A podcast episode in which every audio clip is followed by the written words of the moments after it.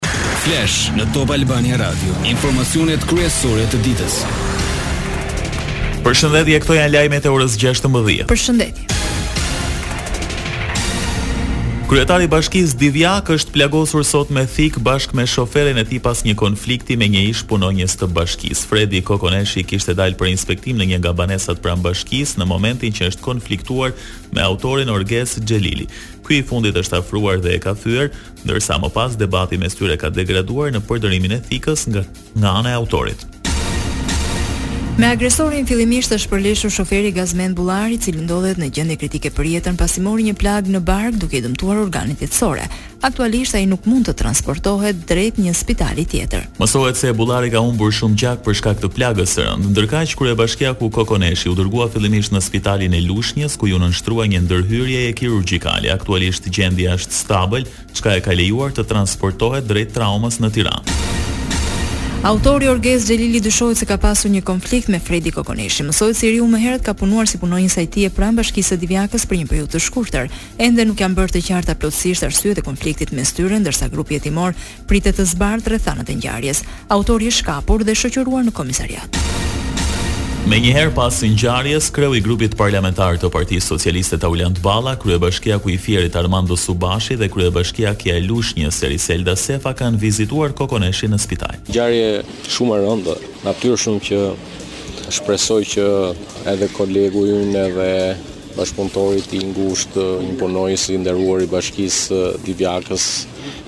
t'ia hedhin kësaj gjendje të vështirë.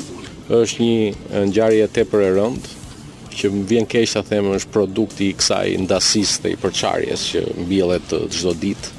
Unë nuk e di kush është arsyeja. Di që një i çmendur ka marrë thikën, ka dalë nga shtëpia dhe ka shkuar të godasi. Dhe po ju them që burimi i kësaj ndasie dhe urrejtje duhet të ndalet. Ne shqiptarët jemi pak, nuk jemi shumë dhe Mjaft më duke vrarë njëri tjetrin. Lajmet në internet në adresën www.topalbaniaradio.com. Një ditë para protestës, kryetari i Partisë Demokratike Sali Berisha ka ftuar të gjithë qytetarët të marrin pjesë. Në të kishte vetëm një përjashtim. Protesta sa të dojë populli opozitar do të zgjasë.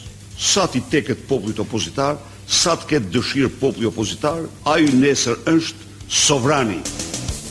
Në një konferencë për mediat, Berisha u shpreh se qytetarët nesër do njihen me alternativën antikrizë të opozitës dhe Partisë Demokratike. Unë kam fjalimin, bashkëpunëtorët e mi kanë skenarin, të tjerë kanë hymnin, po do ketë risira nga të gjitha aspektet.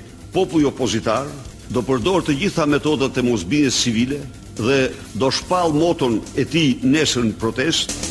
Kryedemokrati gjithashtu përcolli dhe një mesazh për Policinë e Shtetit. Policinë e Shtetit, mesazhi im është mos revoltoni protestuesit. Ata vijnë në të drejtat e tyre kushtetuese, vijnë të provokuar në shkallën më të lartë. Të mos bëhet Mercenare e Edi Ramës, këtë i them policisë unë. Protestuesit mjerë ai që i prek. Veprime dhe fjalë ofenduese në seancë deputetët demokratë Edi Paloka dhe Bujar Leskaj përjashtohen dhjetë ditë nga Kuvendi, për këtë çështje reagoi kryedemokrati Berisha.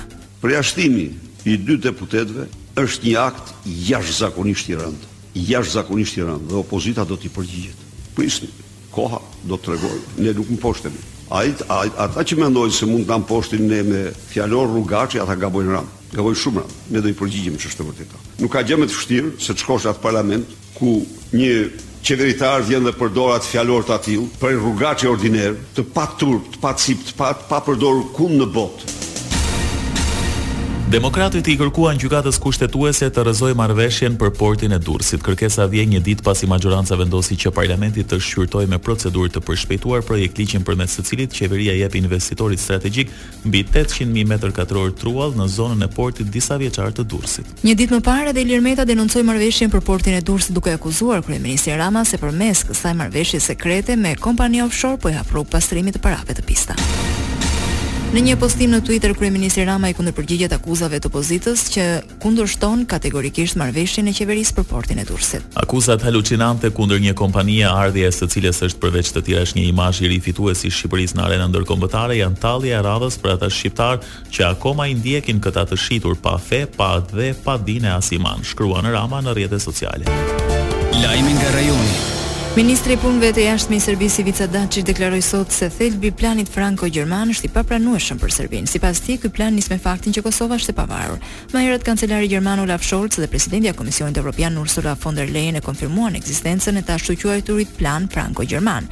Von der Leyen po ashtu konfirmoi se ky plan është integruar tashmë në procesin e dialogut.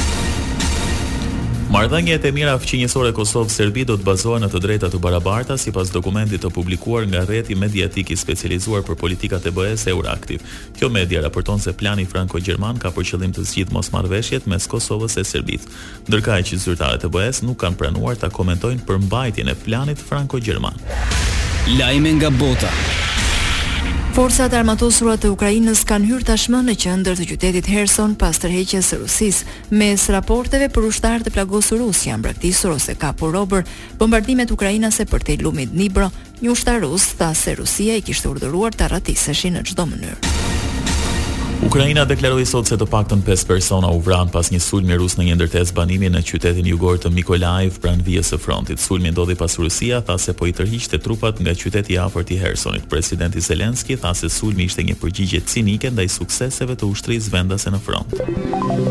Parashikimi i motit. Moti në territorin shqiptar do të vijojë të jetë i qëndrueshëm me kthjellime dhe vranësira mesatare në shtim. Temperaturat luhaten në vlera ditore nga 7 në 22 gradë Celsius.